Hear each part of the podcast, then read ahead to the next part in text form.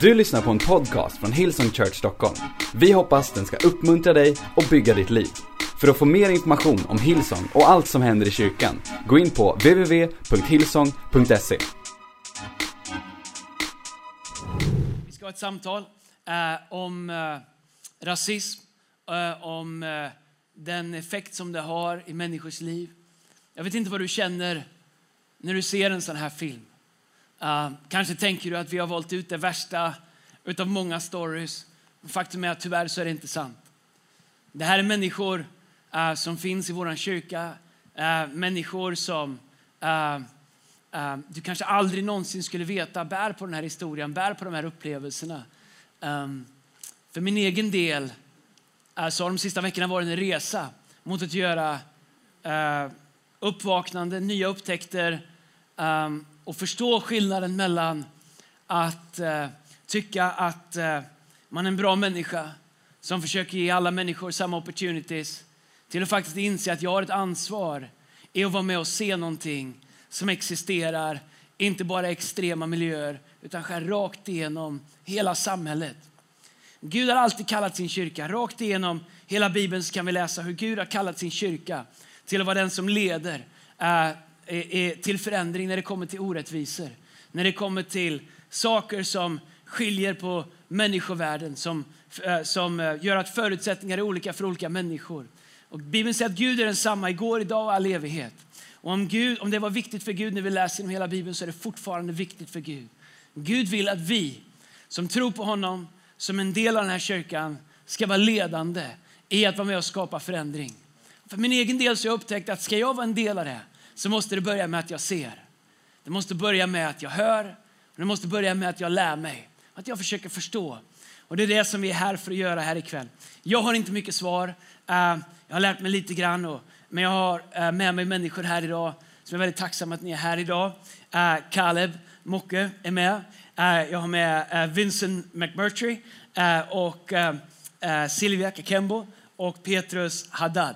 Petrus ungdomspastor i vår kyrka. Yes, stämmer. Välkommen hit. Tack så mycket. Tackar, tackar. Härligt.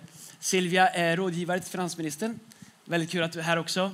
Uh, Vincent är uh, musiklärare och uh, Caleb är företagsrådgivare på SE-banken. Stämmer. Vilket är superbra. Vi ska prata om rasism här idag. Vi har en tjej i vår kyrka, otroligt begåvad. Hon heter Salm Johannes. Hon är konsult för mänskliga rättigheter.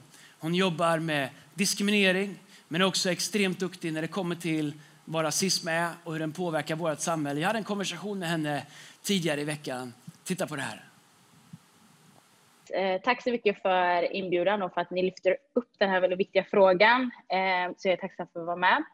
Eh, jag har en bakgrund i statsvetenskap eh, och har de senaste sex åren jobbat med mänskliga rättigheter, främst jämlikhet kopplat till etnicitet och hudfärg.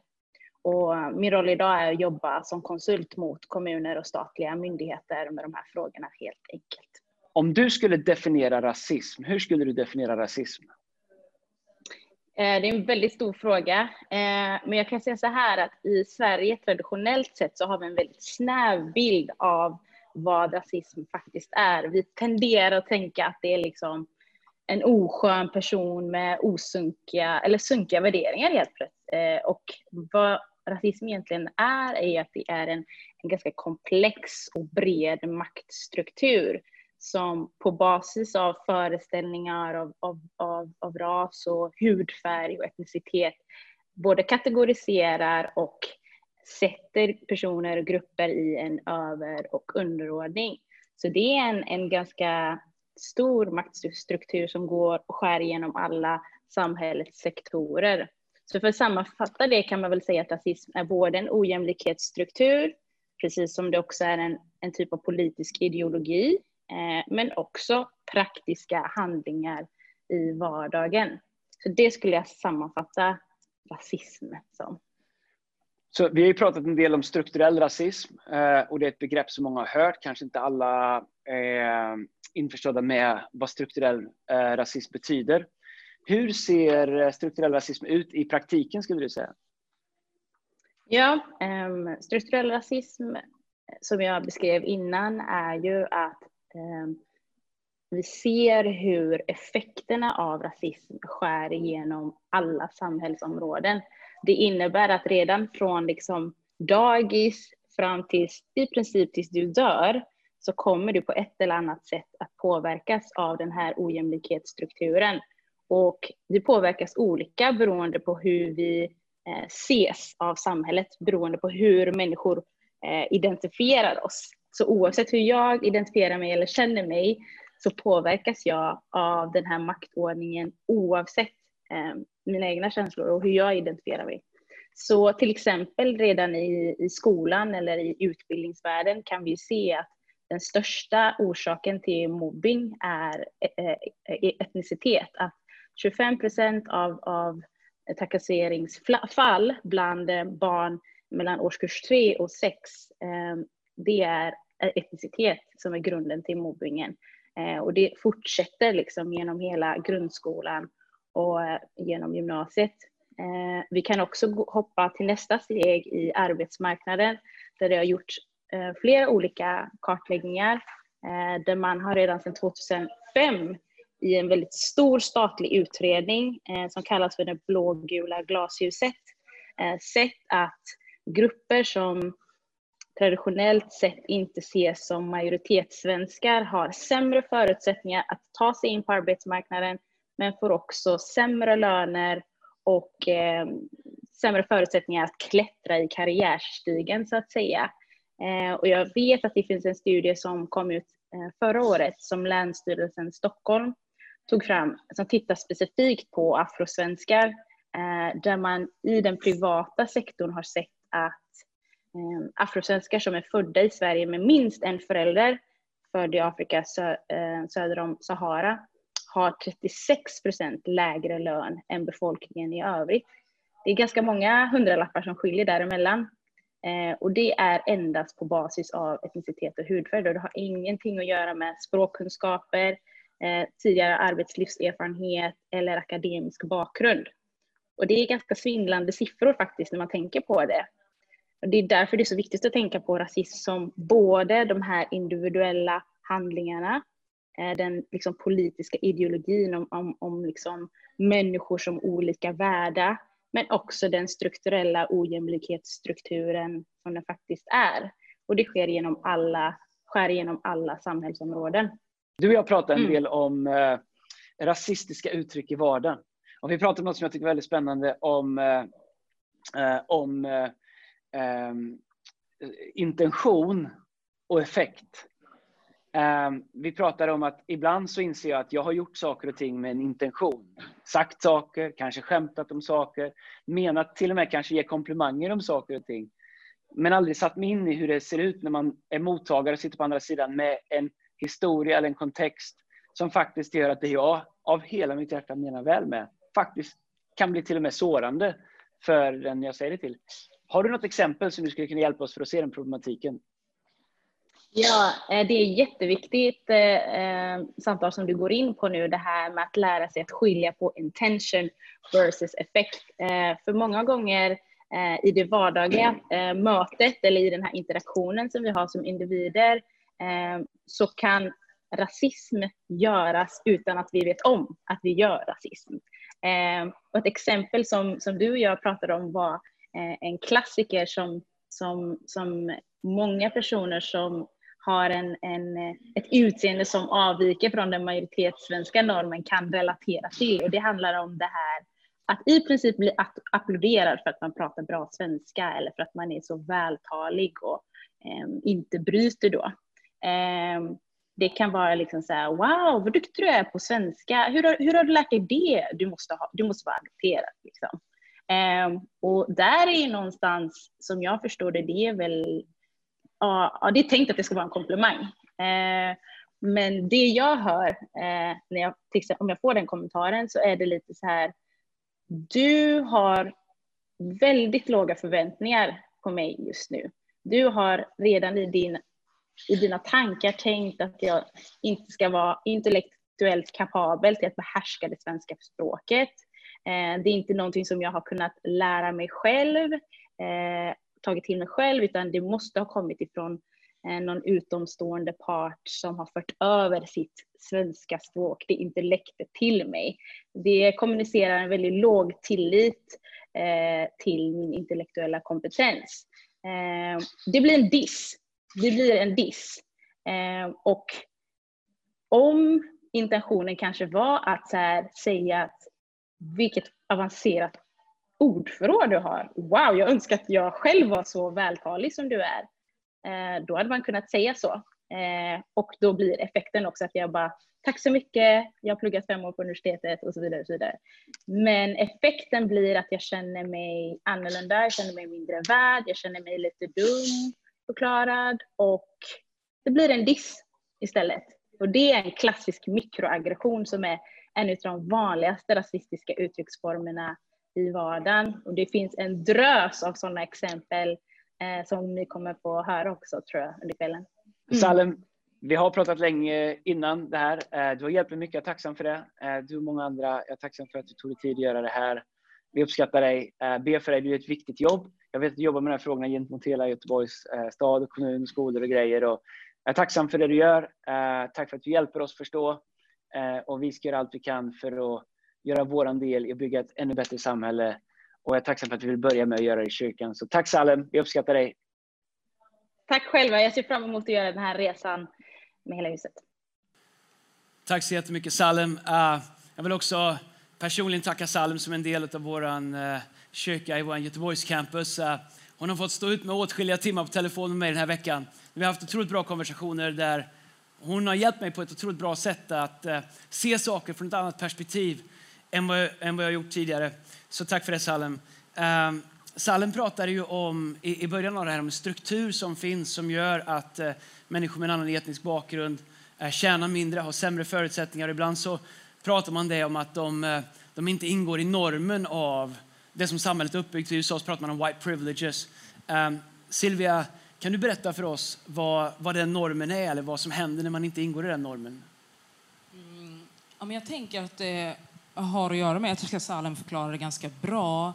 Eh, och jag, för eh, några månader sedan fick jag en son och då började jag liksom rulla runt i Stockholm med min barnvagn. Eh, och eh, då märker man ganska snabbt så här, det är inte så himla lätt att ta sig fram i Stockholm om man har hjul. Och då tänker jag kanske inte nödvändigtvis på de som har barnvagn utan kanske på folk som använder permobil eller rullstol eller rullator. Stockholm är liksom byggt för människor som har två ben och som kan ta sig i rulltrappor och i trappor och så här. Och lite på samma sätt är det med den här normen vårt samhälle är uppbyggt från att folk ska se ut ungefär som du ser ut. Eller man antas se ut som du ser ut. När man pratar på telefon med mig, då tror man att jag ser ut ungefär som du. Och sen när man träffar mig i verkligheten får man så här, jag blir lite förvirrad nu. För att man kan inte få in i sin världsbild att eh, eh, man kan låta som du på telefon och se ut som, som jag. Så jag tänker att, och det, det är bara ett exempel av hur den här liksom, eh, maktstrukturen tar sig uttryck. Och jag tror att det här telefonsamtalet kanske inte är världens största grej, men att försöka hyra en lägenhet på Airbnb och se ut som jag, att försöka eh, söka ett jobb hos en person man inte känner och se ut som jag, att försöka eh, komma in på ett uteställe i Stockholm och se ut som jag. Alltså det, det är liksom man passar helt enkelt inte i normen och folk har förutsattade meningar om vad det innebär när man har ett utseende som, som jag har. Och det är väl det som är den stora liksom, eh. när, när, man möter det gång på gång på gång igen och, och liksom börjar utgå från det, vad, vad, på vilket sätt, vad, vad gör det med en på insidan? Jag tror att det både gör en eh, ledsen, eh, men också arg. Men också ganska, jag tror att jag har blivit ganska förhärdad. Jag hittade hemma i min bokhylla en, den här boken Roots, du vet, Rötter av Alex Haley som handlar om slaveriet i USA, slavhandeln i USA. Den gav min mamma och pappa till mig när jag fyllde sex år. Det är liksom en 800 sidor på en rockbok. Och de var så här, Silvia, världen kommer inte ge dig någonting gratis. Inte den här världen. De ser på dig så här. Och du är liksom ett barn, men du måste liksom lära dig att förstå hur du ska navigera i det här samhället, givet hur samhället ser på dig. Vi ser inte på dig så, Jesus ser inte på dig så, men den här världen ser på dig på det här sättet. Så man behöver liksom man har strategier. Hur gör jag när jag kommer in i ett nytt rum, på ett nytt jobb? Hur gör jag när jag går in i en butik så är jag supertrevlig mot folk? Hej, hej, hej, hej. Du vet, jag tänker inte ta någonting. Du behöver inte tro att jag är farlig. Du vet, så man har liksom strategier in i liksom det minsta. Och framförallt så tror jag att man blir trött bara. Alltså så att när man har ett jobb så har man inte bara jag ska inte bara gå dit och göra mina arbetsuppgifter. Jag har också ett jobb av att typ hantera hur alla andra människor ser på en. För att försöka eh, styra utfallet. Så det är mycket, mycket Ja. jobb kan man säga. Tack. Jag, jag tror att det är det som är, kanske för mig har varit den största liksom wake-upet eh, när det kommer till de här frågorna. Att man, man, man tittar på sig själv och säger ja, jag är ju snäll mot alla, jag, eller, jag, jag inkluderar ju alla. Jag är ju inte en del av problemet, men faktum är att jag är ju en del av ett system som faktiskt gör att det här fungerar. Och eh, eh Pastor Brian, han, han har sagt ofta att eh, ibland så är tystnad mer kraftfullt än att säga någonting. Man, man, vet, man sitter med en grupp människor, någon inte säger någonting. Till slut då undrar man vad är det, liksom, vad, vad är det? Och, och jag inser att eh, för alla av oss som, som hör det här och som, som bestämmer sig för att säga ah, men så där är det inte, det är väl inte så farligt. Så är vi faktiskt med och både skapar och göder och förstärker det systemet. Och jag tror att de flesta kan tänka att Nej, men jag, jag ska behandla alla lika, framförallt om du är kristen. och Jag ska behandla alla väl, jag ska vara snäll mot alla. Men, faktum är att jag tror att vi behöver gå djupare än så. Om vi verkligen skapar förändring och vara med och säga, vet vad? Om jag har varit med och format det här, vare sig jag har varit hands-on med alla saker eller inte, men om jag är med och existerar där så måste jag vara med och göra en skillnad. Hur har det varit för dig? Um, du är ju extremt smart, begåvad, har ett bra jobb. Vad, vad, vad känner du att du har behövt överkomma utifrån vad du pratar om för att göra det du gör utifrån att du har en annan etnisk bakgrund? Svår fråga. Alltså, även om vi pratar om det här på, liksom, på ett strukturellt plan så är ju alla bara individer Mm. liksom, också.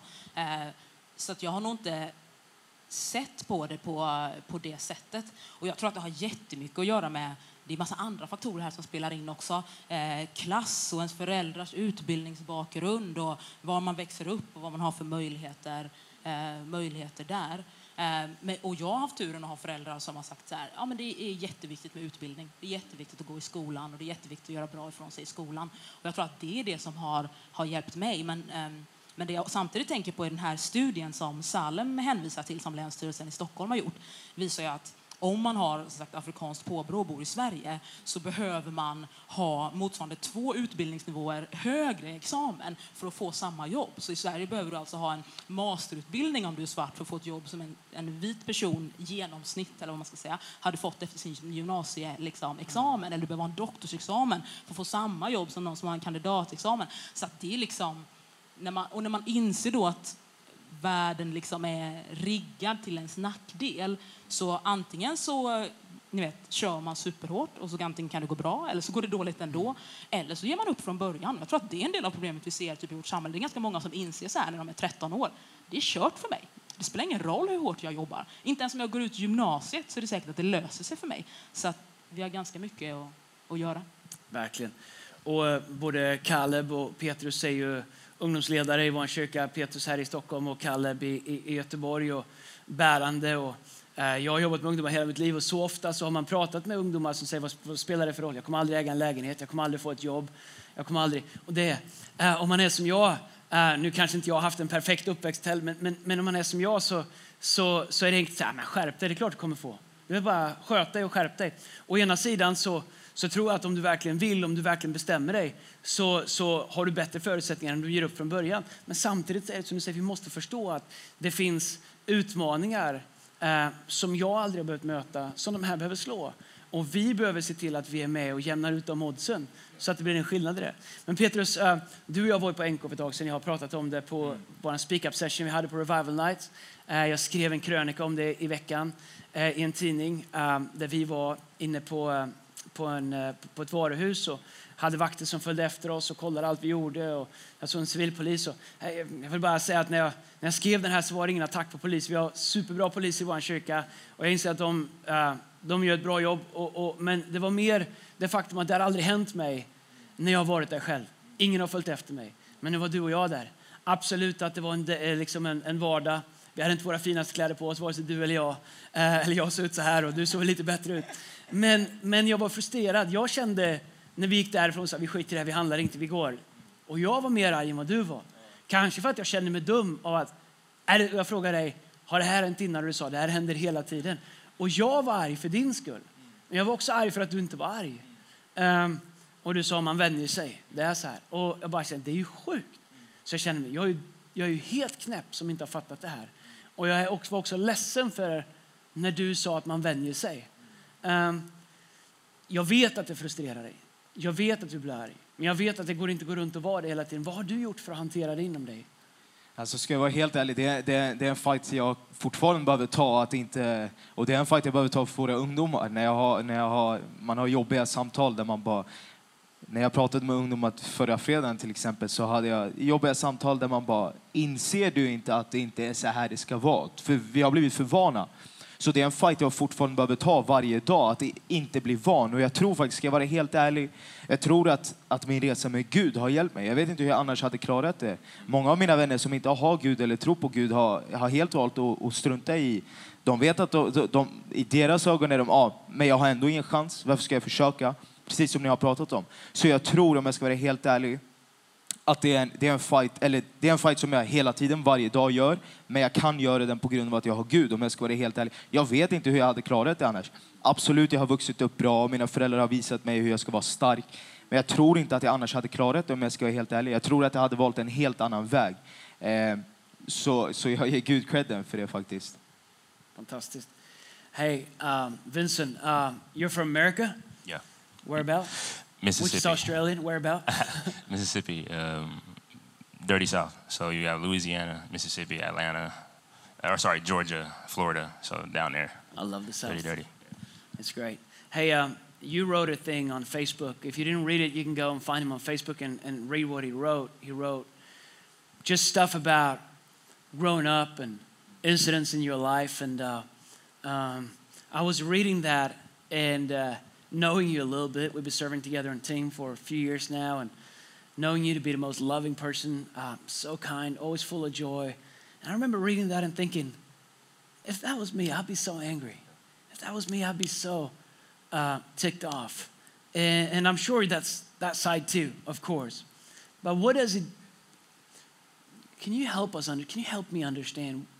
What does it do to a person knowing that you're going to get pulled over for no reason, that you're going to be blocked out of stuff for no reason, that stuff is going to be held against you for no reason. Just knowing that growing up, that that's going to happen, and if you can't fight it. Well, I think it's kind of like Sylvia and Petrus have both said. Like it's your parents play a big role in sort of teaching from a young age you need to be strong. Um, like you said, the world is, isn't built for for people like me. Um, so part of it is that. I think another part of it is just that over time you become sort of desensitized to it. Um, so I, you know, and and in writing that, I, I found myself, you know, sort of kind of searching inside myself, like why why did you grow up accepting this? Like this was okay? Because I remember, you know, being 15, you know, 14, 13, 16 year old driving, going to high school, getting pulled over week weekly, twice, three times a week, and being like, this is the this is the norm. This is the norm. Um, so I think part of it was just me becoming a little desensitized, just accepting that as the way life is. Um, but I think also like, you know, be, being I, I grew up in church from a very young age. My granddad was a pastor, so I've always been around. You know, I've always sort of built my my my my reflection of who I am and who God sees, who God sees, what God sees me as, who God sees me as. You know, as we as the song said earlier, "I'm beautiful, I'm perfect, made." I've always, you know, that's the sort of idea or sort of mantra you have to have about yourself in order to get through these things. I'll never forget. I was my dad told me one day. I came home from getting pulled over. My dad told me, you know, you know that sticker on the back of the police car that says "to serve and protect." That does not apply to you. That does not apply to you. Don't don't don't feel that. And I and like you said, I'm not here to attack the police out there. I I know, you know, plenty. I grew up around you know plenty of well trained, very very good people who are police officers. So that's not my that's not my idea at all. I don't want to paint a picture of you know that all police are bad because it's not. But I just that I feel like that was worth that was something that stuck with me from a young age. Um, so I think, yeah, being having that balance of this is how it's going to be, this is how it's going to be, but you need to see yourself as something else. And every time that happens, you know, you need to forgive that person off off the rip, forgive forgive them in your heart, and forgive yourself if you have any sort of because you're also battling with that with that with the flesh of like you know you are I can't I can't go around and be angry every time. If I'm angry every time police pulls me over I'm just going to be an angry person. And that's not how I want to live my life you know? Like, I want to I want to continue to be the social butterfly that I am. I want to continue to be you know loving and showing people what I want to see in them. And I think you know like my mom used to tell me you know you we we fight we fight with kindness you know? That's we have to fight with kindness. So yeah. That's incredible. I felt when I when I was reading what you wrote, like one of the thoughts that hit me was, why are we creating a world where you have to get used to that?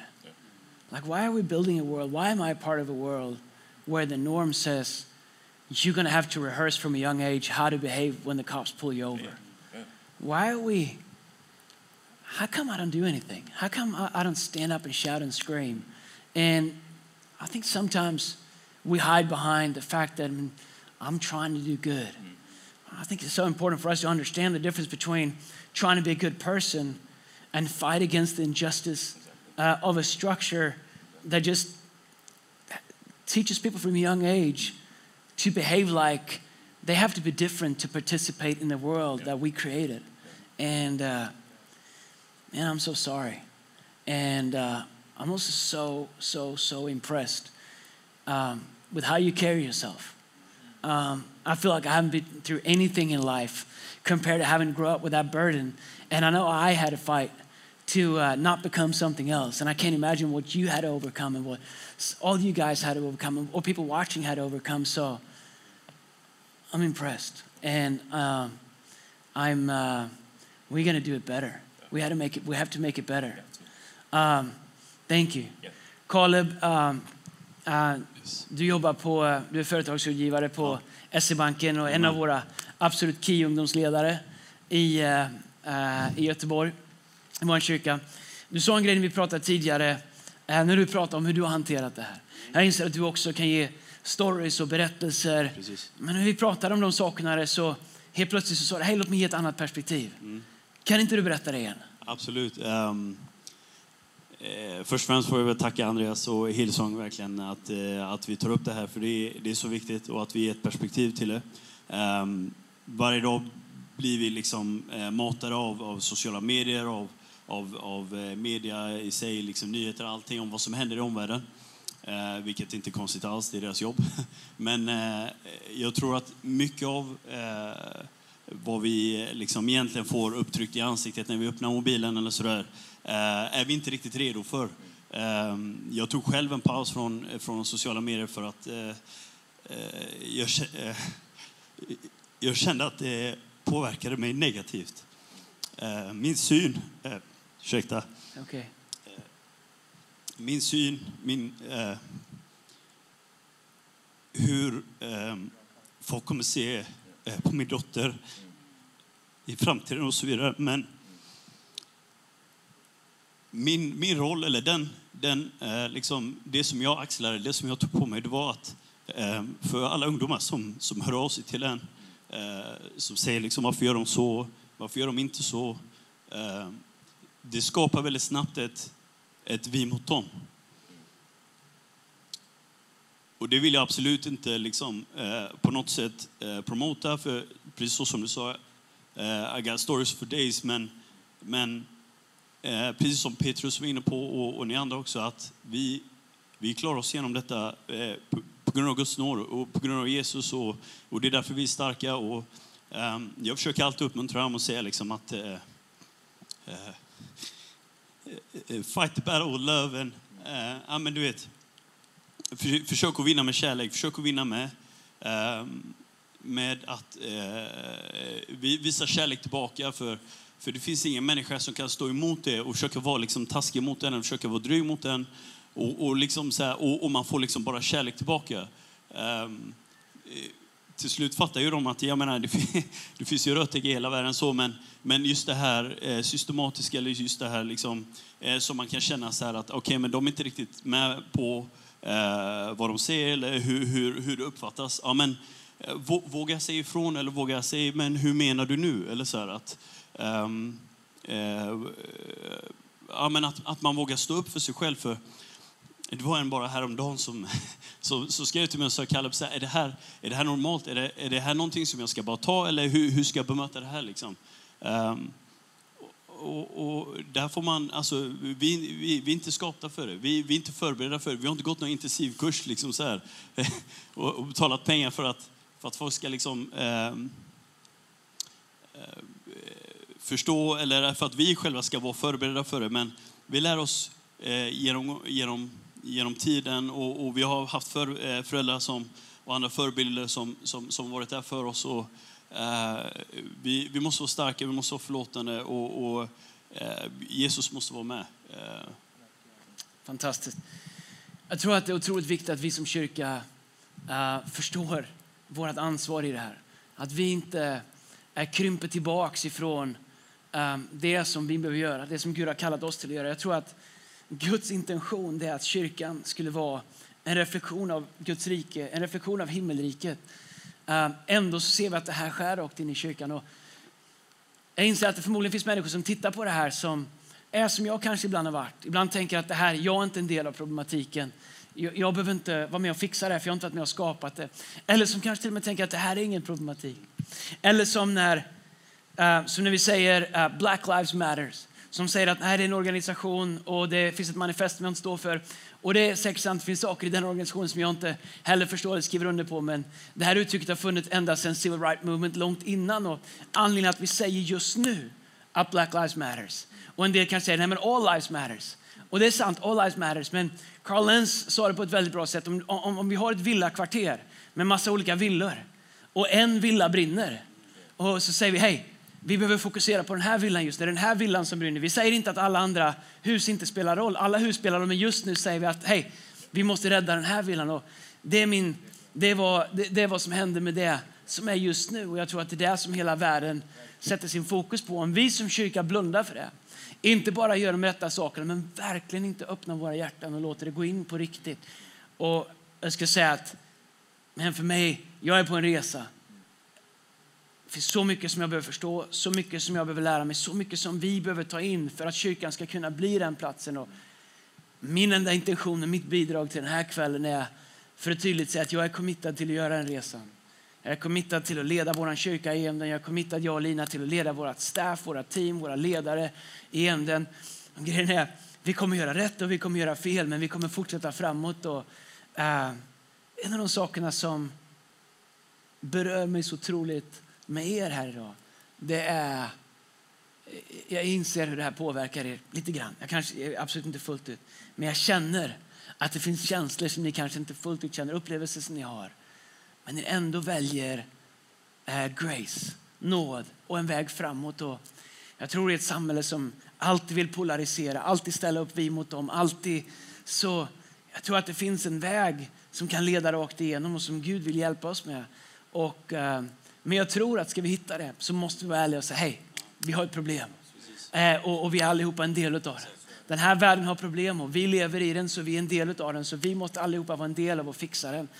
Eh, och uh, jag tror att det är otroligt viktigt för nästa generation som växer upp, för vår generation, för att det ska bli annorlunda. Jag tror att det finns inte någonstans, när du läser Bibeln, när, när, du, när du ser vad Gud säger, vad Jesus säger, där rasism, diskriminering någonsin har något utrymme. Vi ska se på, på Jesus när han går till kvinnan vid brunnen. Uh, han säger till lärjungarna, gå, gå före ni, inte stan. Sen väljer han att gå en omväg till en kvinna som han möter um, vid en brunn. Hon är samarier. Men kom ihåg att där Jesus var hos judarna, de, judarna hade inte pratat med samarierna um, sedan 722 år innan Kristus. På 722 år har de inte pratat. Rasism, segregation. Men Jesus han skickar iväg lärjungarna och själv går dit för att möta den här kvinnan som han inte skulle tala med. Och han hjälper henne att se hennes riktiga värde. Hon springer därifrån in till stan och säger kom och se han som har visat mig vem jag verkligen är. Jag vet inte vad hennes bild var eh, som hade levt under förtryck, som hade levt under diskriminering. Men ett möte med Jesus hjälper henne att se, hej det här är vem jag verkligen är. Jag är inte vad strukturer säger att jag är, jag är inte vad samhället sagt att jag är, jag är inte vad marginaliseringen har gjort mig till. Jag är vad Gud säger att jag är. Eh, och det är som är kraften i ett möte med Jesus. Sen kommer lärjungarna tillbaks. Och lärjungarna undrar, hej varför pratar du med henne? Vi har ju inte någonting med henne att göra. Och Jesus säger, hej, eh, ni säger att det är fyra månader till skörd, eller sex månader till skörd. Ni säger att någonting bra ligger längre fram. Jesus säger det är nu. Och, och, vi tror att det bara handlar om skördarbete. Men Jesus han säger Guds rike, det är här och nu. Jag har kommit för att ta bort det här nu. Jag har kommit för att, för att riva de här strukturerna nu. Och jag tror att det är så superviktigt för oss att förstå att det är nu. Och jag tror att Gud låter sitt ljus falla på det här på ett specifikt sätt. Jag inser att det finns människor som gör fel. Jag gör fel. Jag inser att det finns människor som reagerar fel. Det finns saker som som vi inte kan tolerera i olika uttryck. Men i frågan om i det här problemet Så om vi inte tar ägandeskap över det, då är vi inte på Guds sida. Då är vi inte med Gud. Och då har vi inte då har vi inte den trovärdighet som kyrka som vi behöver ha. Då har vi inte täckning för våra ord om kärlek och Guds villkorslösa kärlek. Och jag skulle vilja utmana alla er som, som älskar människor, alla er som säger att vara en del av lösningen, som kanske inte har tittat inåt och sett er en del av det här. Jag skulle vilja utmana alla i vår kyrka, jag skulle vilja utmana alla som tittar på det här. Vägen framåt är inåt. Att vi var och en tittar i oss själva. Vad behöver jag se i mig själv? Inte i andra. Vad behöver jag se i mig själv? Vad behöver jag förstå? Vad behöver jag ändra på? Vad behöver jag upptäcka? Vad behöver jag läsa? Vad behöver jag se? Vad behöver jag lyssna på? Så om vi ska kunna göra en skillnad. Så att Kalebs dotter inte behöver växa upp i den värld som Kaleb har vuxit upp i. Så att vi kan skapa en bättre morgondag. Min bön är att vi skulle börja i vårt hus. I Jesu namn. Amen. Jag är så tacksam för att ni bidrar till det här. Jag hade ett samtal med pastor Earl McClellan. Han var här förra året på eh, eh, Revival Nights. Jag har haft många bra samtal med honom de sista veckorna. Och vi filmar ett av våra samtal. Och jag skulle visa er det här, så titta på det här.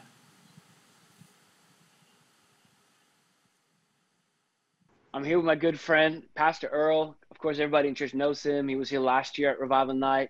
Uh, we love him dearly, has a lot of respect for him. I've been following him for years, um, seeing his leadership, uh, seeing what God has put on his life. I know he's a dear friend to Pastor Brian and Bobby.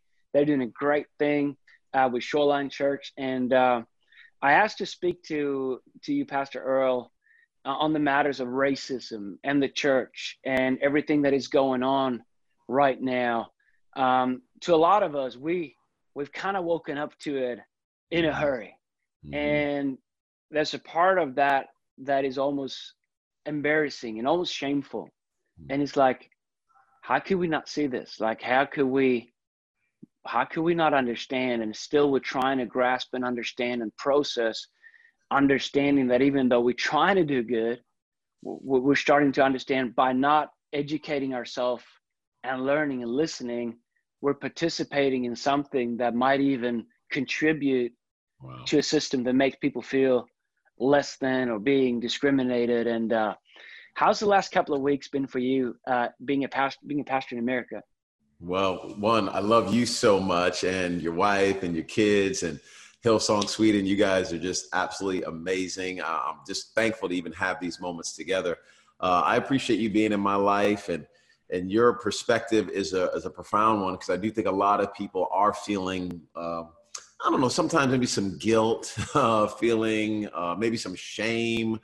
Uh, and obviously, those are terrible motivators, right? Those aren't the things that that God wants any of us to have. And I, I know even me, uh, as a minority in America, I, am not wanting you know people to have that. I, I understand why someone could have that emotion, but we know Romans chapter 8, verse 1 tells us there is therefore now no condemnation for those who are in Christ Jesus. But but as we are going through this time, man, uh, I'm right-handed. Okay, so uh, I shoot right-handed. Meaning when I play basketball, I, uh, I, I write right-handed. I um, shoot from grabbing coffee, and I don't really drink coffee. When I drink tea, I have my right pinky out. Right, that's that's how I drink. And um, and I, I, have been that way my whole life. And uh, some other friends of mine, they're left-handed, and they've been left-handed their whole life. I didn't know this, but left-handed people know that the world is actually built for right-handed people. You, when you get a, a watch, the the little knob is for right-handed people. When you uh, grab a coffee mug, uh, it's built for right-handed people. The words come towards you if it's on the right, if you're right-handed. But if you're left-handed, the words go away from you. Uh, if you're sitting at a school desk, uh, it's uh, for right-handed people.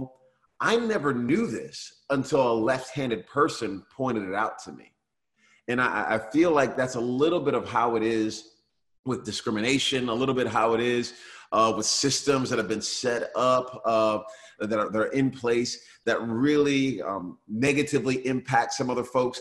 And, and, again, not to create excuses for anybody else, but it's just a it's just a reality that left-handed people have to figure out a way to work in a right-handed world. And you can succeed. You can get ahead. You can um, make a difference. You can have a significant impact.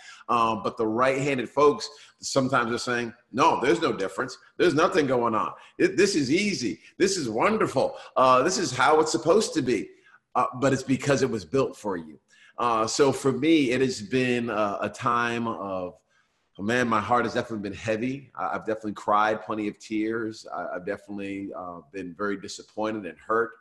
And then I've also been very, very hopeful and filled with faith all at the same time. So you got the personal and you got the prophetic piece. You got all of these things working together. Um, but I really do feel this is the church's finest hour. And for you to, to talk about this head on is really, really amazing. And again, I, I commend you for that. Thank you so much. Um, Pastor, um, being um, a pastor, trying to navigate through these things, I'm sure you have a congregation that uh, I know you have uh, people from all kinds of different backgrounds, and and this doesn't just hit society; it hits straight home in the church. It hits uh, close to all of us, and we all have to play a part in this if we're going to make a difference in it and fixing it. What's some of the things that you? I mean, I know you've been working with this, having to deal with this probably all your life and as a leader and in a way that we would never understand what are some of the things that you have learned and some of the things that you're trying to do now to to bring reconciliation to create an environment where people can talk and listen and understand uh, what are some of the things that that you could help us with that that you discovered yeah that, that's a great great question uh, like you said, I've been black my whole life, right? so uh, I have this has been my world. I have uh, walked uh, through through whatever struggles and whatever advantages and whatever positives and whatever negatives. I've been dealing with this my whole life. So you just kind of get used to walking in it. Um, and now I have so many friends that are that are stepping into my world in a way they never stepped in before, not because they were mad or even because I was necessarily wanting them to. It just, you know, you're just functioning the way you're functioning. But now, you know, in light of, you know, George Floyd's death and, the way he, he was killed and, and all the, the marches and protests that are happening all around the world, uh, there are a lot of people saying, hey, I, I, I want to I want to help. How, how can I be a part of the solution? And one of the things that I would say is, is we got to give uh, each other time and and some some grace to grow throughout this journey. For me, I'm I'm having conversations with people um, that are new for them but are old for me.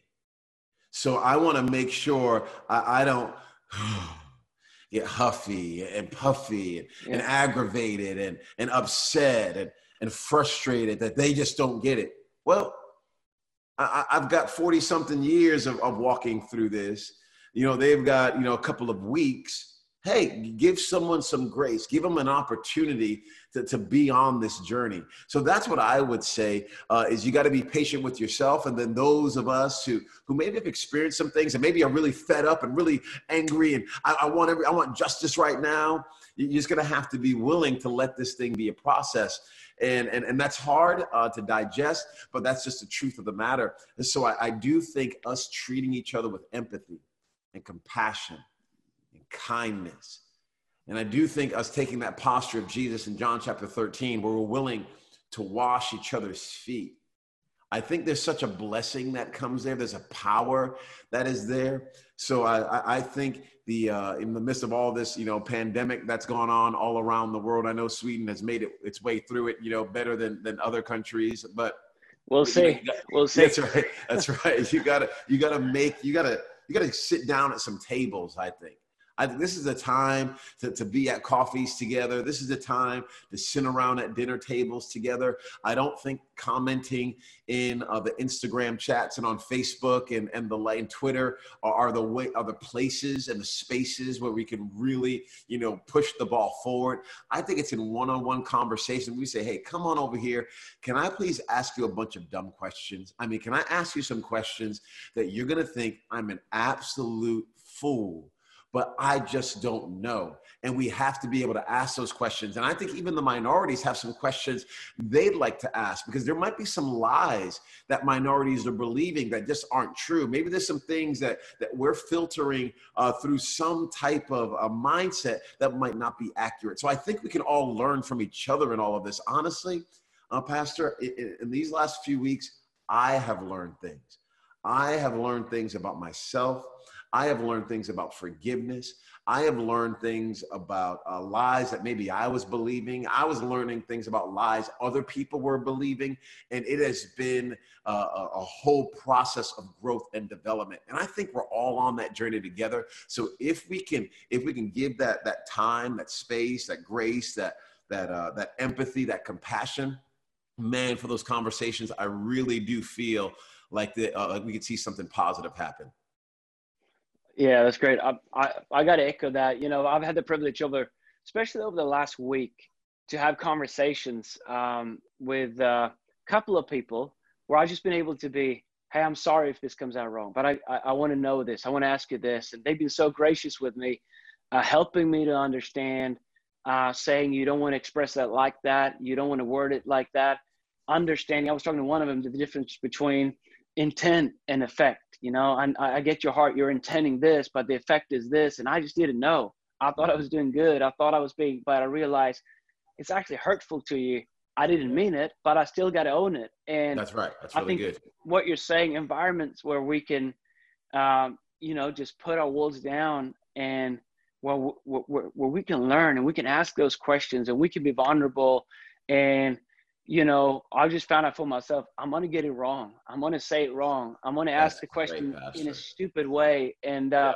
but I'm committed to make those mistakes because I don't Hey. want to shy away from the conversation. Yeah, our wives have been married to us for so many years, and how many dumb things have we said to them, right? Oh. Where we thank God for good, great wives that give us so much grace and kindness. And I think we've all had that relational dynamic with our friends or with our family members or with a spouse or what have you, where you've gone, Oh, I didn't see it from that perspective. Now I'm learning, I'm, I'm open to, to growing. It's beautiful. Thank you so much. Hey, one last thing. Um, and you know, there's, going to be tens and tens of thousands watching this, and I know there's going to be pastors watching it and leaders watching it. And um, if you would give me uh, one advice, you know, I, I hold you in such a high regard, and I really appreciate your voice into my life. If you would give me as a as a white pastor leading a church, trying to make a difference, um, um, new into all this, um, trying to learn, trying to grow, trying to understand, and trying to lead a church through it. And the reason I'm asking you publicly is because I think it's an important question. Uh, what advice would you give me as a leader of Hillsong Sweden and us as leaders leading through this as white people trying to do the right thing in this and trying to make a difference? That's so powerful. And it's another sign of the, the heart and the amazing leader that you are. And this is who I've always known you to be. So I'm not even surprised by the question, but, but thank you so much for, for asking it. Oh man, it, it's a huge question. Uh, but if I could probably boil it down right now, and probably there's 35 different things I could say, um, but but I, I would say don't try to do everything, but do something. That that that's probably what where I would boil it down. Don't try to do everything, but do something. And and that's something that you need to do uh, for for this exact moment, this exact season, might seem small to some. That's okay. At least take that step. And then what's the next step God is asking you to take? And go ahead and do that because you have so many voices and so many people watching you and so many people pulling on you. And one person saying, Hey, you got to go this far. And somebody saying, Oh, that's too far. And you got all these different Yeah. voices that are coming at you. Uh, so it's going to be hard to allow the crowd to dictate uh, exactly what you ought to be doing. Uh, so if you can have some trusted voices in your life, some individuals that uh, would have really, really clear perspective that will speak honestly and openly to you, and then you have what's going on in your own heart and what the Holy Spirit is speaking to you. I think those trusted voices with the Holy Spirit and not you getting overwhelmed, but I've got to fix, you know, generational problems in the next two weeks. But like, hey, I'm in this for the long haul. I can't get everything done right now, but I can get something done. One of the somethings I can do is I can open this up to my church. I can let them know that I'm willing to learn. I can let them know that I'm willing to talk about this. I can let them know that I'm willing to grow. I think that's huge in and of itself. But then there might come some other things that need to happen. There might come some other questions and dialogue and and, and dinner parties that, that might need to happen as well. Uh, who knows what you might need to write one day? Who knows what conversation might need? I, I don't know what all uh, God has for your future, but I do know uh, for right now. You can do the thing that He has put in front of you and He's given you the influence to do. And I feel like you're doing that beautifully. So continue to take those steps, my friend. I- I'm cheering you on. I'm inspired by you. And I'm excited to see how God continues to use your life and your church in really significant ways. Thank you so much. Well, I'm grateful for you being one of those voices into my life, and uh, um, you're a blessed man if you have good people around you and uh, who can uh, have the courage to speak into your life. So I'm grateful for it. We don't take it for granted. Uh, can't wait for this Corona thing to go away so you can come back, bring your beautiful wife Anika and your family, come over and hang out and sweet. We got to do it in summertime next time because it's colder in winter. You got to see how beautiful it is in the summer. That snow was Well, we beautiful. love you. That snow was beautiful. Love you so much, well, man. well, you, you were here two days. It's beautiful for two days. You should try six months. but we love you. We appreciate you. We're praying for you. And we're in this together. Thank you so much, Pastor. We are. Love you so much. Du har lyssnat till en podcast från Hillsong Church Stockholm. Om du vill veta mer om vår kyrka eller om våra söndagsmöten, surfa in på www.hillsong.se.